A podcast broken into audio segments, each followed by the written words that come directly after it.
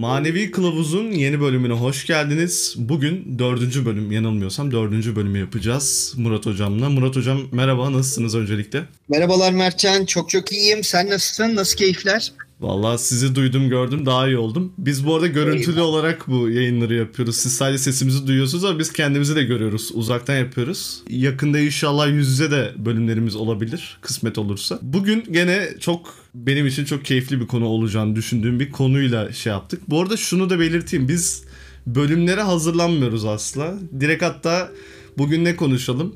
Ee, şunu konuşalım deyip devam ediyoruz Murat Hoca ile. Murat Hoca da burada. Ben yalan söylemiyorum. yok yok yani gerçekten öyle oluyor çünkü planlı programlı yapılan şeylerin akışı çok organik olmuyor. Benim işte Mertcan konuşmuştuk seninle. YouTube yayınlarımda da ben hiçbir şekilde önümde bir kağıt göremezsiniz. İşte bir yerden okumam yani play tuşuna bastıktan sonra kayıt başladıktan sonra gelen neyse onu aktarıyoruz. Mertcan'la da şu anda yaptığımız bu ortak payda çalışmada e, aynı prensibi işletiyoruz. Bence gayet de akışı güzel olan ilhamlar çıkıyor diyeyim. Evet, hem de çok rahat ve samimi de bir ortam oluyor. Çok da e, şey yapmadan o zaman bugünkü konumuza gelelim. E, bugün çok herkesin diline dolandığı bir kelimeden gideceğiz ama çok kutsal bir kelime aslında. Şifa. Yani şifa bilinci üzerine konuşmak istiyorum. Ee, herkesin bir şeyi vardır. Ben şifalanacağım, şifalı günler, işte ay dolunay oldu, şifalı sular yapalım kendimizi. Bir şifadır gidiyor böyle. Tuzla'da da hatta şifa mahallesi vardır. Ekstra bir bilgi. ee, işte nedir bu şifa dediğimiz kavram? Çünkü bunu hem fiziksel şifa var, bedensel, bir de ruhsal şifalanma var. Bir sürü kavramları var. Genel bir giriş yaparsak sizce Şifa bilinci evet. dediğimiz şey nedir? Şimdi şifa bilincine başlamadan önce şifanın kelime anlamına bakalım. Şifa TDK'dan da arkadaşlar kontrol etmek isterseler iyileştirmek anlamına gelir. Peki iyileşecek olan şey daima hastalık mıdır acaba?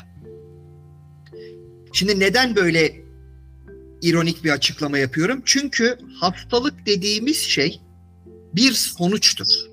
Aslında şifaya sebebiyet veren veya temelini oluşturan bu negatif enerji hali sebep tarafından ele alınması gerekiyor. Yani sebebi anlamadığımız sürece sonuç sadece şifa ve bir beklenti alanı yaratıyor. Şimdi niye bu şekilde konuşuyorum? Şimdi Mertcan sen biliyorsun ben hafta içerisinde yoğun bir şekilde seans yapan biriyim. Holistik şifa adı altında. Şimdi gelen kişiler hem günümüzde hem benim kendi danışanlarımla olan deneyimlerimde herkes şifalanmak istiyor. Ama biraz önce belki dinleyen kişiler ilk başta karışık gelebilir ama böyle bir açılış yapmam gerektiğini hissettim. Çünkü sonuçlarla değil, sebeplerle ilgilendiğimizde şifaya ulaşabiliyoruz. Bunu şöyle gireyim mi? Genelde şey derler. E, köküne tabii, girip kazımak gerekiyor. Oradaki travmaları. Eyvallah.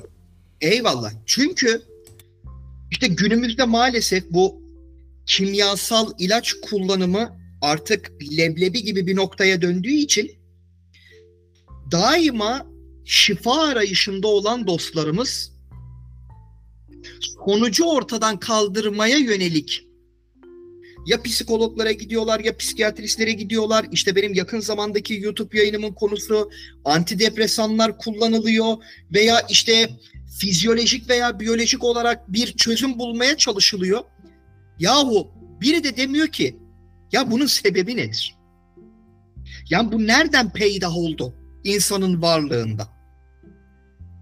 İşte bu sebeple aslında bizim şifalanmamıza sebep olan hastalık hali fiziksel bir durum değil, enerjisel yani daha seyyal alanda bir bilinç ve duygu yansıması halidir. Yani insanlar hep şunu söylüyorlar. İşte örnek veriyorum Mertcan. İşte ya tansiyon hastalığım var. İşte e, diyabetim var. İşte romatizmam var. İşte e, belimde fıtık var. Ya bakın şu anda bu yayını dinleyen tüm dostlarımız çevrelerine baksınlar, ailelerine baksınlar, iş hayatlarına baksınlar. Hastalığım var diyen kişinin hayatındaki sebeplerine baksınlar. Bakın bu konuda çok net konuşuyorum, yanılmam. Yani bunu böyle ekstra bir özgüven patlamasıyla söylediğimi kimse düşünmesin. Naçizane 10 yıla yakın bir şifa seansı ile ilgili bir uzmanlık yönetiyorum. Çok fazla insanla görüşüyorum ki Mertcan senle detaylarını da ofise geldiğinde de konuşmuştuk. İş daima zihinsel ve duygusal alanda yaratılıyor. Evet. Ya zaten günümüzde doktorlar da bir hasta olduğunda stresten uzak dur vesaire gibi şeyler de söylüyorlar. Yani bu çok da yabancı bir şey değil aslında. Hastalıkların tabii ki de, tabii ki de yabancı mental şey. olarak oldu. Ya burada aslında işte biraz daha farkındalıklı bakmak gerekiyor duruma. Bak biraz önce çok güzel bir şey söyledin. Bunu ben daha öncesinde yayınlarımda da kullanmıştım. Merak eden kişiler de bakabilir. Deepak Chopra'nın bu New York'ta TEDx konuşmasında direkt şunu söylüyor. Diyor ki biz Harvard Üniversitesi'nden, Kaliforniya Üniversitesi'nden e, hekimlerle bir çalışma yaptık. İşte korku, endişe, kıskançlık, stres ve benzeri negatif bilinç halleri yüzde 40 oranında yani tam küsuratını bilmiyorum yüzde 40'lı bir şeyler olması gerekiyor. Yaşlılık hormonlarını daha fazla çalıştırıyor. Ve bunun içinde diyor ki bunun üzerine de işte bu stresi ve negatifi doğru yönetebilmek adı altında insanları meditasyon yapmaya yönlendiriyorlar. Ve meditasyon sonucunda da o yaşlılık hormonlarındaki o roketleme hali bir anda süt limana dönüşüyor. Yani aslında tamamıyla sonuç dediğimiz kısım negatif bilinç hali doğal olarak bedende de negatif bir tezahür yaratıyor, bir enerji yaratıyor. Biz de kısıtlı dil bilgimizle sadece ona hastalık adını veriyoruz. Ama hastalık diye tanımladığımız şey aslında beden içerisinde mevcut frekansı bozulmuş negatif değerli bir enerjidir. Ama bu enerji de düşmanımız değildir. Çünkü bizim yarattığımız bir bilinç halinin yansımasıdır. İşte bunun içerisinde ne vardır Mertcan? Zamanında verilmemiş tepkiler vardır.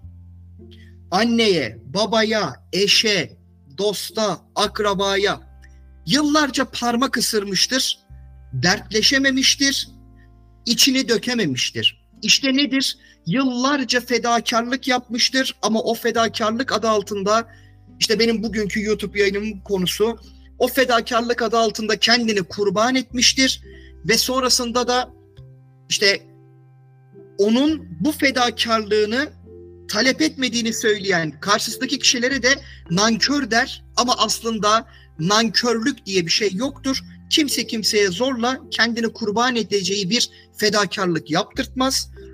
Şimdi ben bunu böyle örneklemeye kalkarsam burada 40 dakika örnek veririz. Şuna geleceğim. Bir insan kendi hayatında kendisini unutup başkaları için yaşamaya başladığı an daima hastalığı varlığında tezahür ettirir. Doğal olarak da şifalanma sürecine bir kapı aralar. O zaman araya komik bir şey söyleyeyim mi? Bizim mesela meşhur Türk annelerimiz o yüzden mi hep hastalar mesela?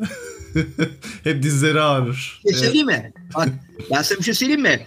Komik diyorsun ama 12'den vurdun mükemmel bir tespit. Ve dikkat et. Genelde de belleri ağrır hep. Çünkü bel bedenin denge noktasıdır ve bedeni yönlendiren bilinç olduğu için fiziksel tezahür alanında denge noktası beldir ve stresi yönetemeyen insanların daima denge noktasında ağrıları olur. Yani kaldıramayacağı yükleri taşıyor aslında ruhen. Aynen öyle. Aynen öyle. Ama baktığın zaman ya işte bende fıtık var, şu var. Ya tamam var da e tamam sen ağır bir şey kaldırıyorsun. E niye o zaman her ağır kaldıran kişide olmuyor bu fıtık? Yani bu şimdi eğer doğru orantılı bir istatistik yapacaksak burada yani ben işte yanlış bir harekette bir şey kaldırdım dediğinde o yanlış hareket içerisinde herkesin belinin tutulması veya kitlenmesi lazım. Yani dediğim gibi enerjinin bir dili vardır. Enerjinin bir lisanı vardır. Aslında bu lisan herkesin doğuştan ana dilinden daha fazla bildiği bir şeydir. Ama üzücü nokta unuttuğu için onunla güzel bir ilişki kuramaz. İlişki kuramadığı için arasında bir iletişim problemi olur ve iletişim problemi sonucu da bir şekilde şifalanma ihtiyacı ortaya çıkar. Çok güzel bir şekilde şifa kavramını 10 dakika boyunca konuştuk. Şimdi aslında şifa bilincini çok e, basit bir şekilde konuşabileceğiz. Çünkü her şeyi söylediniz. Şifa Eyvallah. bilinci dediğimiz kavram da aslında ben kendimce özetleyeyim. Bu kadar söylediğiniz şeylere göre kendi bedenini ruhsal e, tarafta işte enerji tarafındaki çakraları dengeleme, negatif enerjileri pozitife çevirme gibi şeyleri bir yaşam felsefesini yapmak aslında şifa bilinci oluyor. Benim mantığıma göre doğruysa. Yo doğru kesinlikle doğru. Ki ben hatta bir de şöyle bir şey ekleyeyim.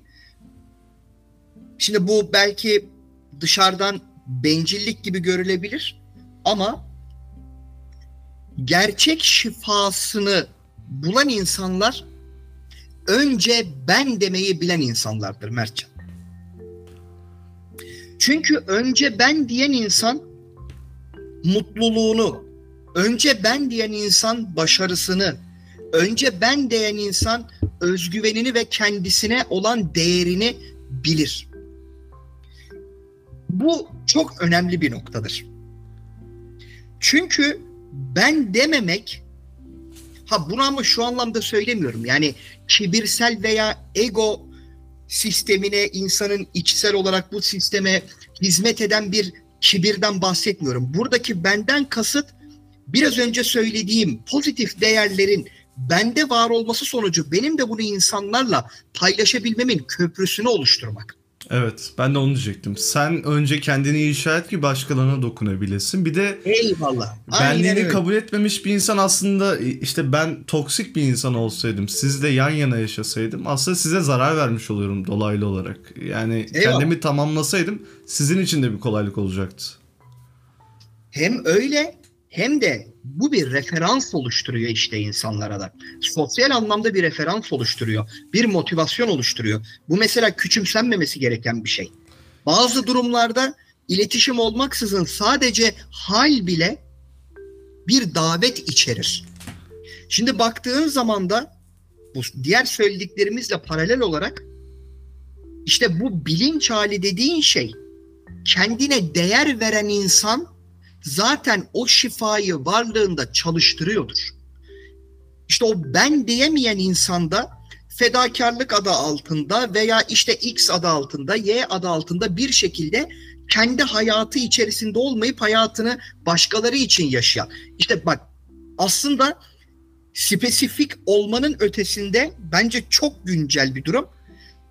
Mesela bir anne kendi hayatını bırakıp sadece çocuklarla veya sadece aileyle ilgilenir.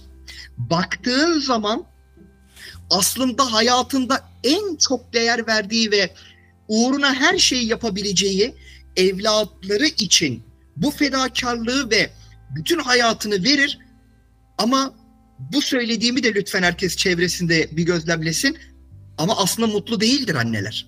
Evet. Peki hayatında bu kadar değer verdiğin ve senden tezahür etmiş varlıklar bu kadar onlara ömrünü verip de niye mutlu olamıyorlar? Çünkü hep başkası ya burada, adına şey yaptı, hiç kendini düşünmedi. Bir işte. yerden sonra çünkü yalnız da kalıyor. Mesela kendiyle baş başa kalıyor. Aa kardeşim işte, ne yaptın? Ya işte aynen öyle kardeşim. Yani burada her ne olursa olsun bir şekilde şifa dediğin şeyin bir ilaçla iyileşen bir şey değil. Şifa dediğin şeyin insanın bizzat kendi varlığını anlaması, yaşaması ve aksiyon haline getirmesi prensiplerinde çalışıyor. E, biz bunları söylüyoruz hep. E, bu öncelikle şeye geleceğim ilk başta. Ben hep şey referans tarafına çok katılıyorum. Bir insan konuşuyor, konuşuyor, konuşuyor, konuşuyor. Çok güzel konuşuyor. Hayatına bakıyorsunuz. Ya adam söylediklerinin tam tersi yaşıyor mesela. Sonra da bunu söyleyince de şey diyor. Hocanın dediğini yap, yaptığını yapma. ya sen bu laftan sonra o kişi dünyanın en doğru şeyini söylese de kabul etmezsin yani bu arada. ya tabii ki de. Ya işte diyorum ya işte burada hal olma meselesi işte o sebeple referans oluşturuyor. Yani ya tamam hiçbirimiz dört dörtlük değiliz. Tabii ki de hataların olur. Tabii ki de yanlış davranışların olur. Tabii ki de e, kendini değersiz hissedeceğin anlarında olur. Bazen düştüğün anların olur. Ama buradaki kıymet şu olmalı. Ne kadar kusursuz olman değil. Düştüğünde kusursuzluk haliyle ilgili çabalamandan ne kadar vazgeçmediğinle ilgili, ne kadar bu mücadeleyi devam ettirdiğinle alakalı bir şey bu. Ama biraz önce senin söylediğin işte o açtığın parantez, yani işte sen hocanın dediğini yap, yaptığını yapma. Yani bu yani güzel bir şey. Ee, yani öyle hocalardan uzak olalım. ama gerçekten çok var ya böyle insan. Herkes çünkü kendince doğruyu biliyor. Söylüyor ama e, sen niye uygulamıyorsun diyorsun. Öyle işte hayat bize şey yapmıyor. eyvallah eyvallah. Ya işte diyorum ya ya bu, bu tabii ki de işin esprisi. Yani bazen hepimiz için geçerli bu. Yani hiçbir zaman yapmam diyeceğin şeyleri de yapabiliyorsun. İnsansın. Tabii. Yani hani işin bu kısmında ben biraz önce söylediğim hani yanlış anlaşılmasın ciddi anlamda bir espriydi. Yani bu ben de su üzerinde yürüyüp de dolaşan bir adam değilim. Evet uzun zamandır bir şeylerle ilgileniyorum ama hepimiz beşeriyiz. Elbet yapmam dediğin şeyleri gün gelir yaparsın e, konuşmam dediğin şeyleri de konuşabilirsin. İşte burada dediğim gibi eğer böyle bir duruma düştüysen de yani bunu mümkün mertebe hızlı bir şekilde nasıl dönüştürürsün, bir simya hareketi başlatırsın ve şifalandırırsın ona odaklanmak lazım. Yoksa kimse dört dörtlük değil tabii yani. Tabii yani biz burada önemli olan onun muhakemesini yapabilecek bir insan olabilmeyi Aynen konuşuyoruz. Aynen öyle. Yoksa mükemmel Aynen altın oran diye bir şey yok. Yani bu peygamber de mükemmel değil. Bunu anlatmaya çalışıyoruz en başından beri. Aynen öyle. Süpersin kardeşim. Yani burada dediğim gibi işte o kutlaştırmanın ötesinde veya işin işte o manevi e, duygulardaki o gıdıklanmanın ötesinde yani hepsi bedeller ödemiş. Hepimizin ödediği gibi. Ya hayat yani, o, o yüzden güzel zaten. Diğer türlü çok sıkı, sıkıcı bir şey olur yani. Dümdüz yaşarsın. Ya işte zaten burada şunun farkına vardığın zaman işte hani hep bu Matrix içerisindeyiz vesaire falan işte durumu ya biz tezahür ettiren tanrılarız.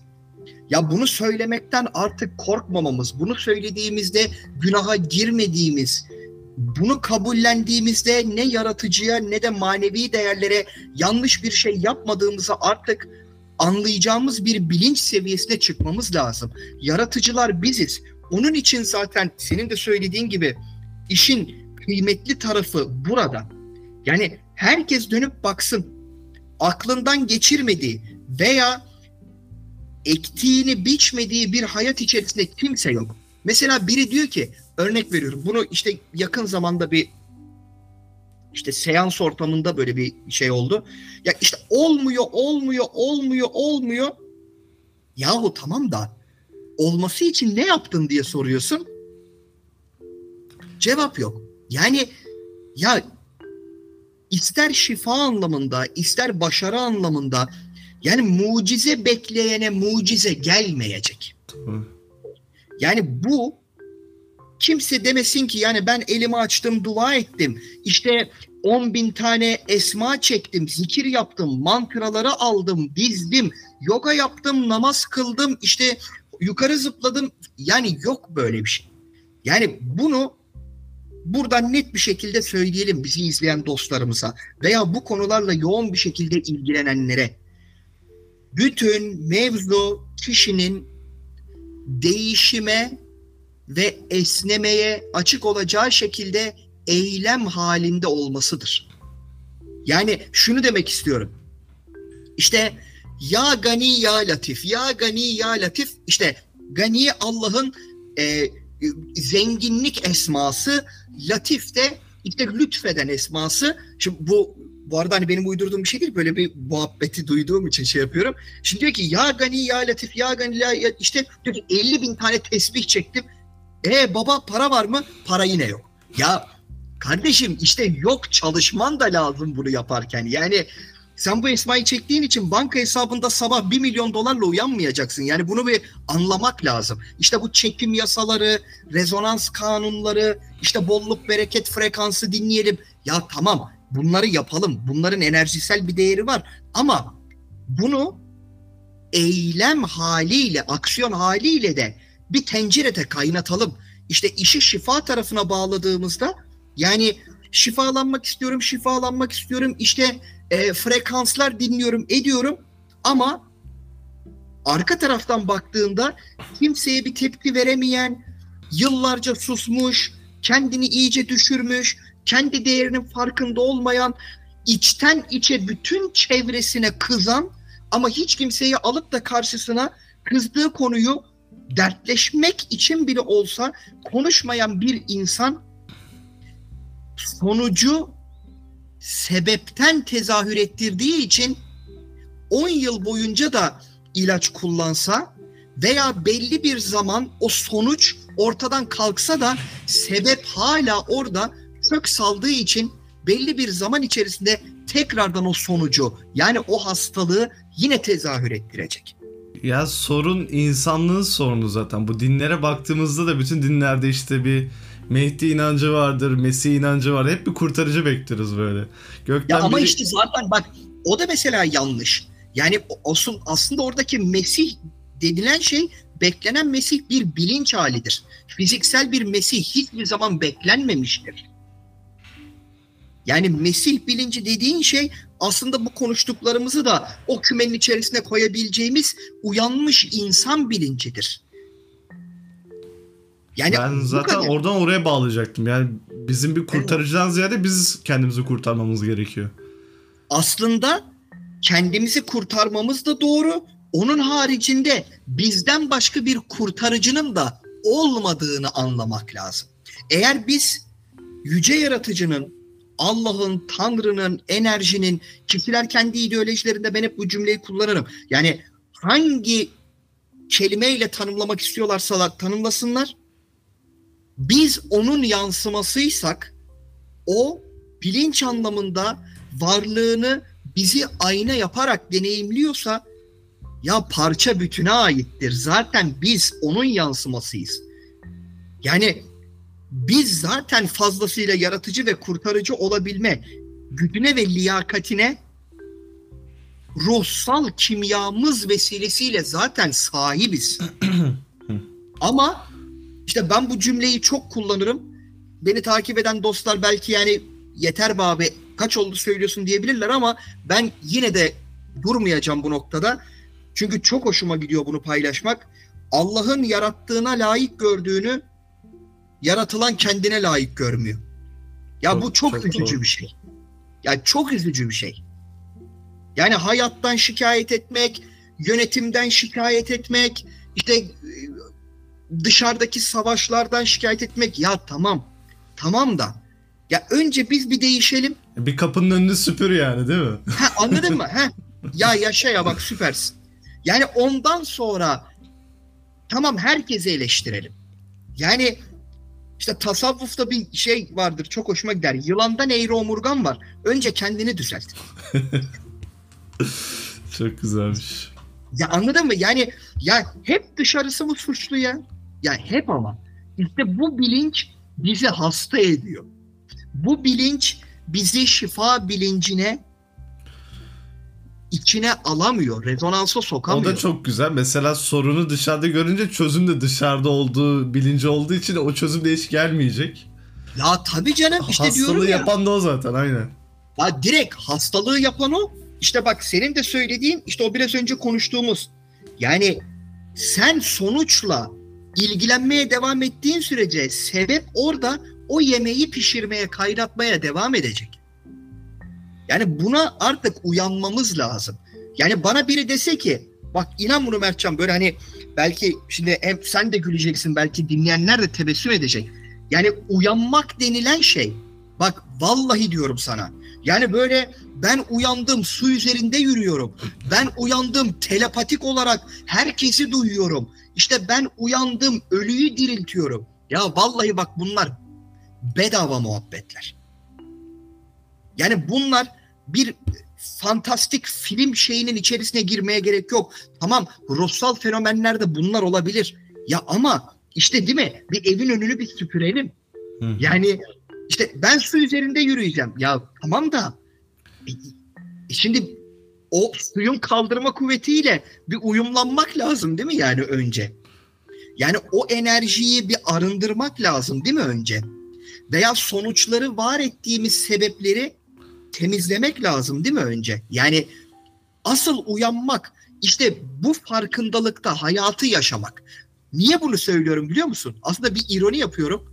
Bu farkındalık noktasında olan bir kişi inan buna fantastik olabilecek ruhsal fenomenler peşinde koşmak zorunda kalmaz. Evet onlara bununla, gereksiz gelir evet zaten bir de. Bununla kendini ifade etmek zorunda kalmaz. Bak eski erenlerden birileri sohbet ederken şunu söylüyorlar. Ya bunu konuştuk mu konuşmadık mı bilmiyorum.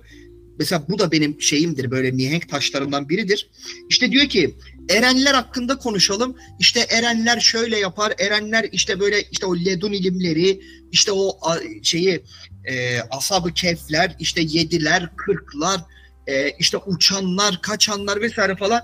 Ya bak sonra üstad diyor ki ey diyor dostlar Allah'ın yarattığı kuşlar arasında binlerce kilometre yukarıdan uçanlar var. Allah'ın yarattığı canlılar arasında suyun kilometre altında yüzebilen canlılar var. Ya diyor mucizenin a babası tabiatta zaten var. Biz kendi mucizemize, kendi takvamıza, kendi uyanışımıza, kendi ahlakımıza, kendi değerimize bakalım. Ya bırakın uçmayı diyor kaçmayı. Yani bir şey katmayacak bu.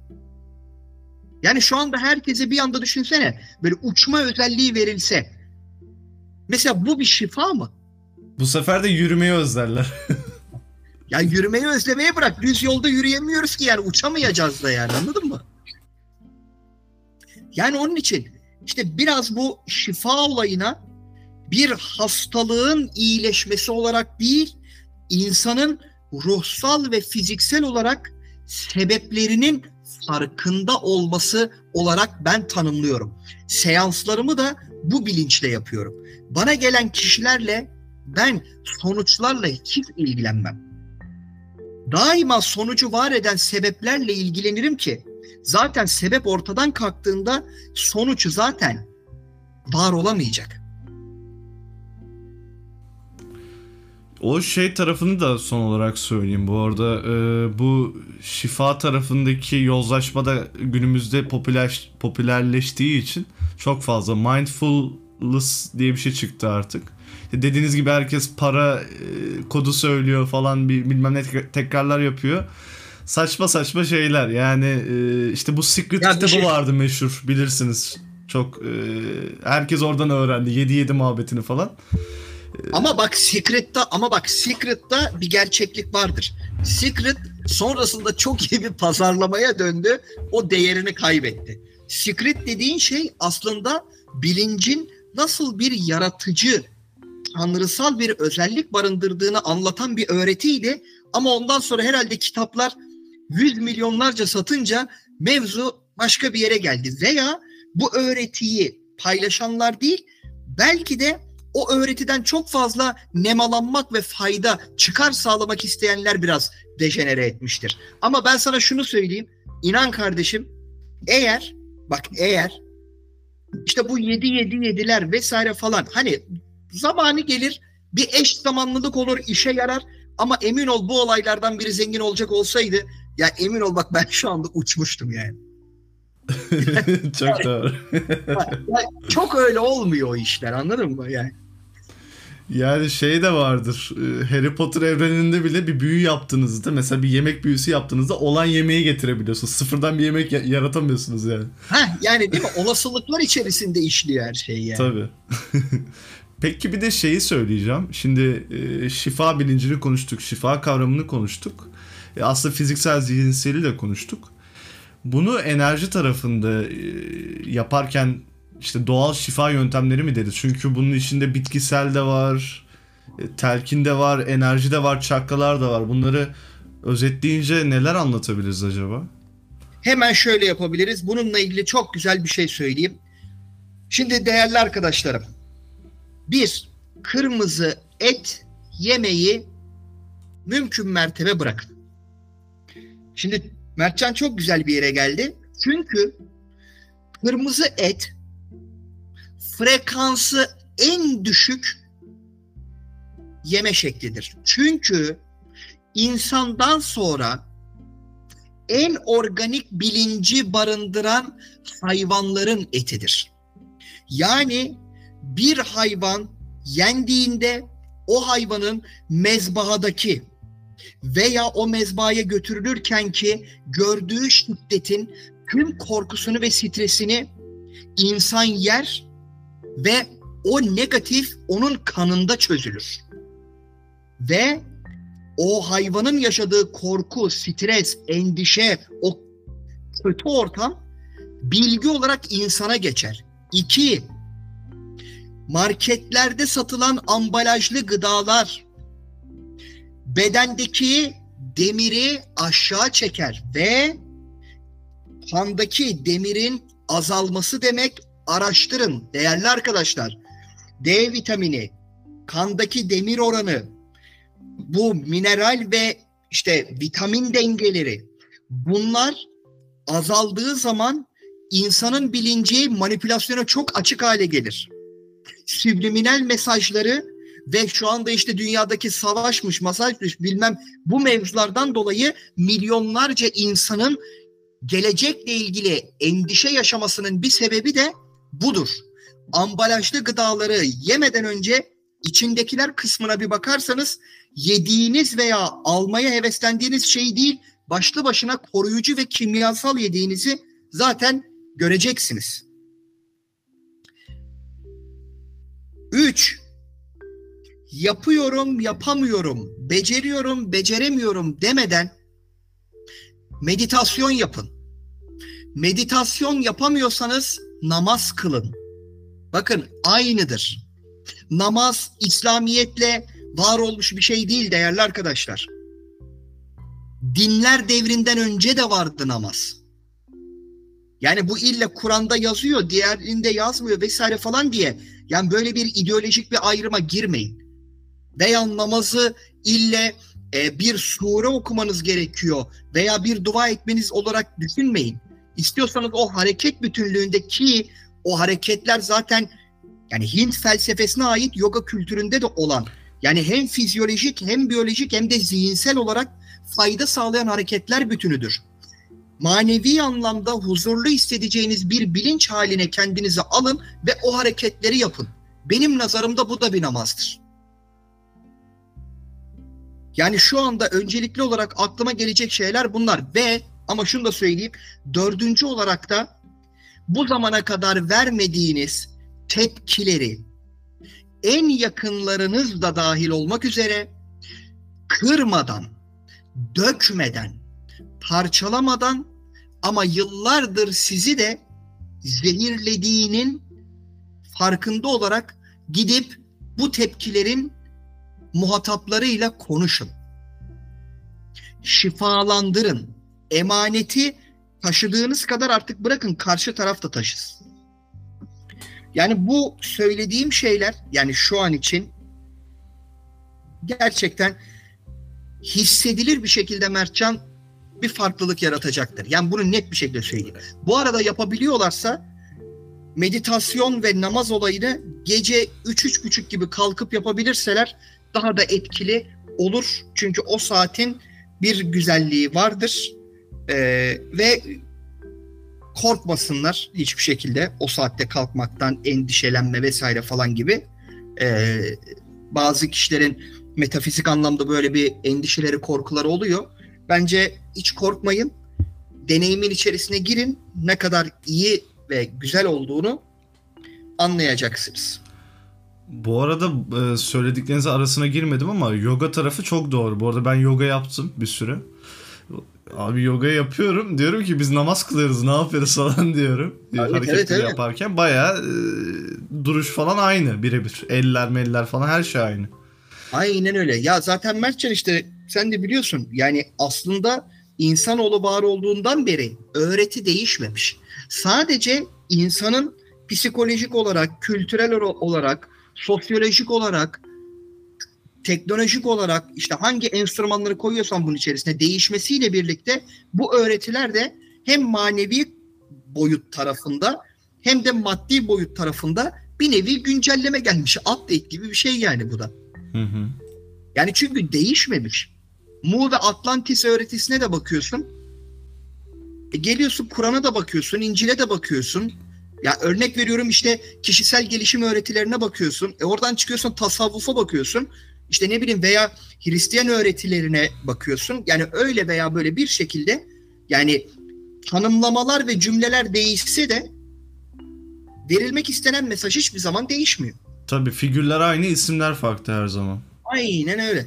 Ya hep evet. böyle olmuş. Evet. Ve bundan sonra da öyle olacaktır yani. Kesinlikle. Yeni isimler değişecek. Yeni başka bir şeyler çıkacaktır. Ekstra olarak e, çok güzeldi anlattıklarınız. Gerçekten hepsine katılıyorum. Meditasyon evet. zaten yaptıkça gelişiyorsunuz. Yaptıkça vücut tabii, tabii, tabii. E, daha da çok yapmak istiyorsunuz. İlk başta biraz e, zor gelebilir. Ben de ilk başta biraz şey yapmıştım, zorlanmıştım. Hele hiçbir şey yapmadan durabilmek gerçekten büyük zanat. 10 dakika boş duvara bakın. Gerçekten dünyanın en zor şeyi. o kadar dışarıdan söyleyince zor geliyor. Ben bir de şeyi çok merak ediyorum. Ee, o yeme falan olaylarında da her şeye katılıyorum. Biraz zor ama kırmızı et biraz da e, toplumun da şeyiyle bunları açmak biraz zor olabilir. Şimdi böyle bir yola girdik. Eyvallah. Bu tarz şeylerdeki Türkiye'de belli bir topluluk var mı? Ee, zaman geçirebileceğimiz işte o, o tarz insanlarla konuşabildiğimiz gruplar olabilir, dernekler olabilir. Böyle şeyler biliyor musunuz? Var mı acaba Türkiye'de? Ee, şöyle söyleyeyim. Çok fazla böyle bir ben arayışta olmadım. Herhangi hmm. bir yere bir bağlı olmadım ama adını vermek yakışmaz. Ee, ama birkaç uğradığım bilindik yerler de oldu. Ee, ama gerçekten uğrama. Hatta bazılarının içerisinde şifa çalışması da yaptım. Hı hı. Ee, ama bu arada içeridekiler mükemmel insanlardı. Ee, çok güzel, çok tatlı kişilerle tanıştım. Ama e, bunu gerçekten bir eleştiri olarak değil, sadece bu Murat Cansu'ya ait kişisel bir gözlemdir. Ee,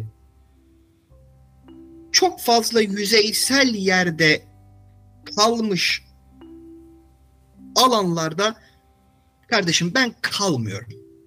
Çünkü ben uzun zamandır işin metafizik tarafıyla, enerji tarafıyla ve o alanda bulunup o enerjiyi yaşama noktasında bir mesai içerisinde olduğum için işin terminolojik kısmı, e, kronolojisi, işte sadece o anda çok değerli bir şey yapılıyormuş gibi bir hissiyatı ortaya koymak çok bana yeterli gelemedi. Onun için detay vermemin sebebi ben şöyleyim ben böyleyim demek için değil. Hani kendimce bir açıklama yapmak istiyorum tercihlerimle ilgili ki yani şu anda ya şuraya gidin hani buraya gidin diyebileceğim açıkçası bir yer yok. Ama şöyle bir şey yapabiliriz belki biraz daha bir kalabalık alana geçtiğimizde veya böyle bir talep geldiğinde biz zaten seninle görüştük. Yani bu belki ilk başta bir 5 kişi olur, sonrasında bir 10 kişi olur, belki sonrasında 150 kişi olur bilmiyorum. Ama biz bir yerlerde bir görüşebiliriz. En azından ben kendi ofisimde hani geldin gördün çok böyle bir büyük bir alanım yok ama en azından İstanbul'da merkezi diyebileceğimiz bir alanda bir yerim var. Ee, veya hiç olmadı bir Maçka Parkı'na gideriz, bir yerlere gideriz, bir yerlerde toplanır sohbet ederiz. Hı-hı. Ama dediğim gibi kardeşim yani ya şuraya gidin e, diyebileceğim bir yer maalesef şu an için yok. Yo yo anladım. Ya benim orada aslında söylemek istediğim şu. İnsanlar bu tarz şeylere girdiğinde bir yandan da öğrendiği şeyleri e, paylaşmak veyahut da başka şeyler öğrenmek için bazı topluluklara, bazı kişilere ihtiyaç duyabiliyor. Herkes bizim gibi fırsatlara şey değil. Yani mesela ben bir şey olduğumu size sorabiliyorum. Başka arkadaşlarım var onlara sorabiliyorum. Böyle fırsatlar olmayan insanlar için aslında böyle bir WhatsApp grubu bile olabilir yani. Şey olarak söylüyorum.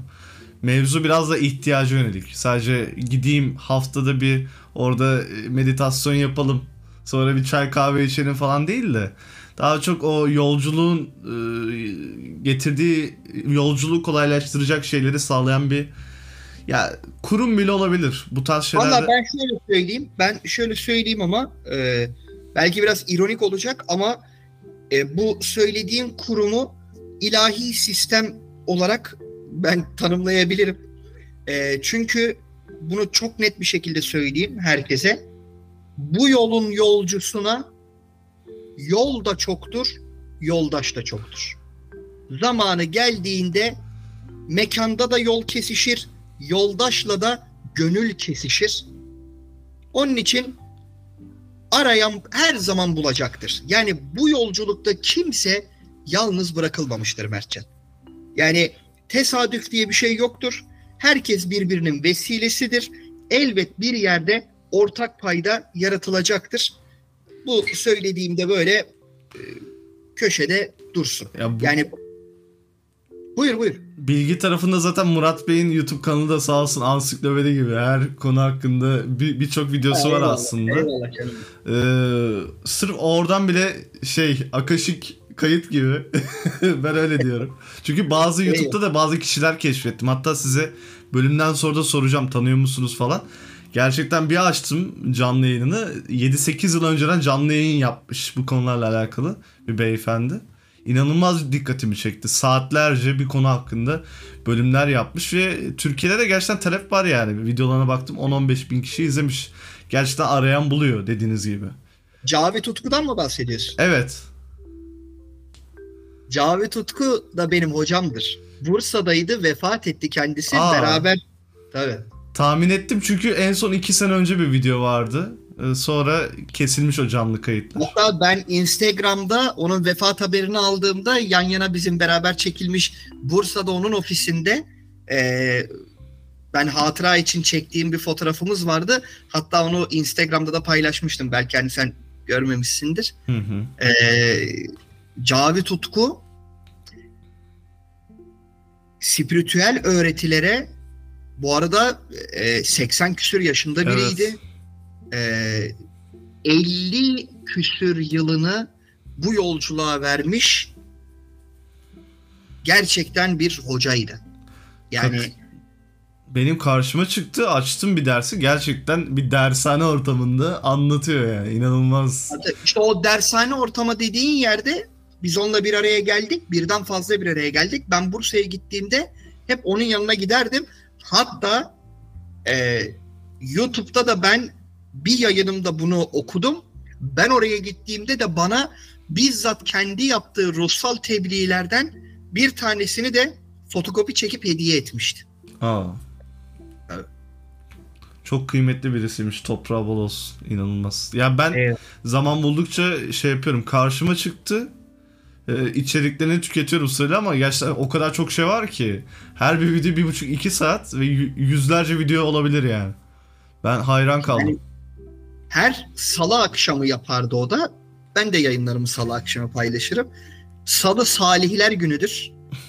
Ee, yani işin bir şey kısmı vardır salı günüyle ilgili.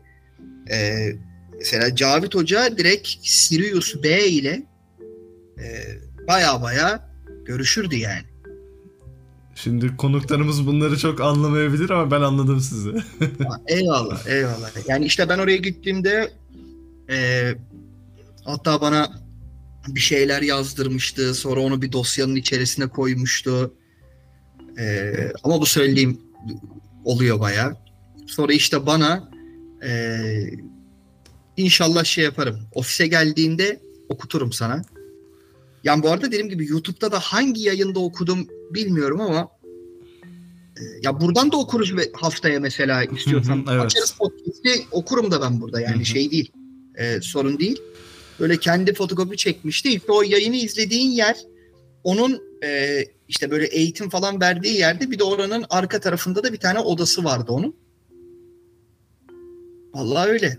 Yani daha dediğin gibi anladım zaten Cavit Tutku Yani biraz duygulandınız zaten görebiliyorum. Ee... Yani yok şeydir yani yani ciddi emek vermiş bir insandır Kesinlikle. ya. Yani hani duygusal kısmından ziyade hani ömür vermiştir dersin ya. Ya öyle bir insandı o. Yani salı günü 90 yaşına merdiven dayamış bir adam her salı günü gidip o kürsüde yine o konuşmayı yaptı. Tamam. Pandemide pandemide sokağa çıkma yasakları, ölenler bilmem neler adam yine çıktı gitti. Yani bu şey ciddi bir vazife bilinci bu yani. Tabii. Yani bize de bize kısmet de, olur inşallah bize de. bize de nasip olsun. Yani biz de işte o ışığı yansıtmaya gayret eden kişilerden olmaya niyet ediyoruz. O yolun içinde olmaya çalışıyoruz. Yolumuz açılsın inşallah diyelim yani. O zaman şöyle bölümde baya bir şey olmuş. Genel olarak şifa bilincini bilmiyorum konuşabildik mi? Çok genel bir kavram dediğin gibi. O kadar çok şeyler var ki arka planda. İşte e, bilinçaltı, şifa, modern tıp, şifa gibi şeyleri de aslında bütün konuşmalarımızın içinde söyledik. Genel bu başlıklara baktığımızda aklıma gelen şeylere. Bölümün sonunda eklemek istediğiniz bazı şeyler var mı? Çok da resmi bir şey olmasını istemiyorum ama mevzu şey olsun. Yani dinleyicileri de bir sonuca varmak açısından söylüyorum. Yok eyvallah. Yani benim aslında şifa bilinci konusunda konuşabildik mi bilmiyoruz dediğin şeyi aslında ben şöyle söyleyeyim. Şifa bilincini bence olup olabilecek en güzel ve açıklayıcı şekilde konuştuğumuzu düşünüyorum ben. Şundan dolayı ha, daha spesifik bir evet taraftan daha spesifik bir sorular ve cevap beklentisi olabilir ama şifa bilinci dediğin şey hasta olduğumda eczaneye ilaç almaya beni götüren bir bilinç değildir. Bizzat bütün evreni yaratan bilincin yansıması olduğunun farkındalığındaki bilinç halidir. Şifa bilinci. Yani bununla ilgili beslenmeyi konuştuk, bununla ilgili sosyal ilişkileri konuştuk, bununla ilgili e, modern tıbbın bakış açısını konuştuk. E yani bir yerde de şöyle bir durum var. Değerli arkadaşlar bu yayınları izleyen kişiler de hani biz de eczanede hap satan kişiler değiliz. Biz tohumu size veriyorsak bu sohbet içerisinde bir paylaşım halindeysek e siz de arada toprağı bir karıştırıp biraz sulayıp kendinizi güneşe tutuverin. Yani biraz araştırın. Biraz bir bakın kendi varlığınızda deneyin. Bizim Mertcan'la burada konuştuğumuzu veya benim YouTube yayınlarımdakini veya benim gibi bu paylaşımları yapan dostlarınkini de olduğu gibi böyle iman edecek bir hakikat olarak görmeyin. Biz de kendi yolumuzu, kendi deneyimlerimizi anlatıyoruz. Siz kendi hayatınızda gerçekleyin bu konuştuğumuz şeyleri. Emin olun o zaman bizim şu anda konuştuklarımız daha anlaşılır, daha şeffaf, daha hayata uygulanabilir bir hale emin olun zaten sizin de zihninizde gelecektir yani. Tabii ki yani bazıları yaşadıkları çok zorlu hayat yaşamıştır. Bunun bilincine de daha kolay ve daha bizden daha iyi de bakabilirler. Tabii Herkesin ki. şeyi farklı. Bu yorumlama biçimi zaten o gittiği yol farklı. Bir de bölümün sonuna geldiğimizde her bölümde de size kitap soruyorum. Bilmiyorum sizi zorlayacak mı ama gene bu konuyla alakalı bir kitap öneriniz var mı? Hemen var. Bu konuda Mertcan biliyorsun bak yani böyle hani mütevazı olmaya çalışırım ama heybem sağlamdır. İki tane kitap. Ee, bir tanesi Profesör Doktor Bruce Lipton'un inancın biyolojisi. Bunu daha önceden önerdik mi bilmiyorum ama şifa ile ilgili olduğu için bilincin biyolojiyi nasıl etkilediği ile ilgili tamamıyla bilimsel.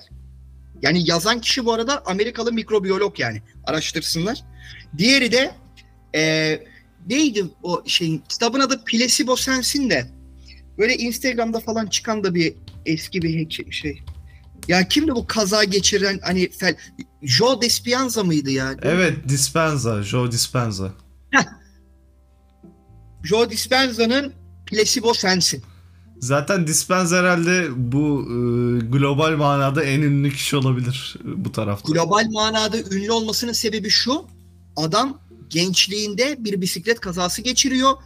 Omurgası Mertcan dört yerden mi beş yerden mi ne kırılıyor. Adama diyorlar ki sen artık felç oldun. Tabii. Adam iki haftadan sonra bilincinde her gün iki hafta boyunca kendini ameliyat ettiğini imaj ederek kendini ameliyat edip iyileştirdiğini imaj ederek ikinci hafta sonunda ayağa kalkıyor.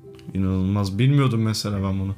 İşte diyorum ya yani adamın global anlamda bu kadar hani müritlik noktasında hani ilgi gösterilmesinin sebebi adam bunu başarmış biri yani. Hı hı. Ve doktor yani bu herifte. Bu arada Bruce Lipton'un da şeyleri vardır. YouTube'da bayağı bir e, çevirileri de vardır. Bazı Tabii, tabii, tabii. Mat- Hatta Matrix Lipton- falan şeyi vardır, teorisi vardır. Kesinlikle ve Bruce Lipton aynı zamanda bu konularla ilgilenen kişiler bilir. Krayon serisini belki bilirler. Krayon. Bu Akasha yayınlarının işte dünya dışı e, manyetik servisten veya manyetik alandan bilgi verdiğini söyleyen Krayon diye bir e, vazifeli vardır. Bu arada o da bak gerçektir. Onu da söyleyeyim. E, belki bunu dinleyen kişiler ya işte var mı böyle şeyler diye sorarsalar da vardır. Bil, yani herkes e, inanabilir bu noktada e, deneyimle de sabittir. E, neyse çok girmeyelim o tarafa. Başka bölümlerde gireriz. Ha, eyvallah. E, şey, Krayon'un da hatta seminer ekibindendir Bruce Lipton'da. Hmm.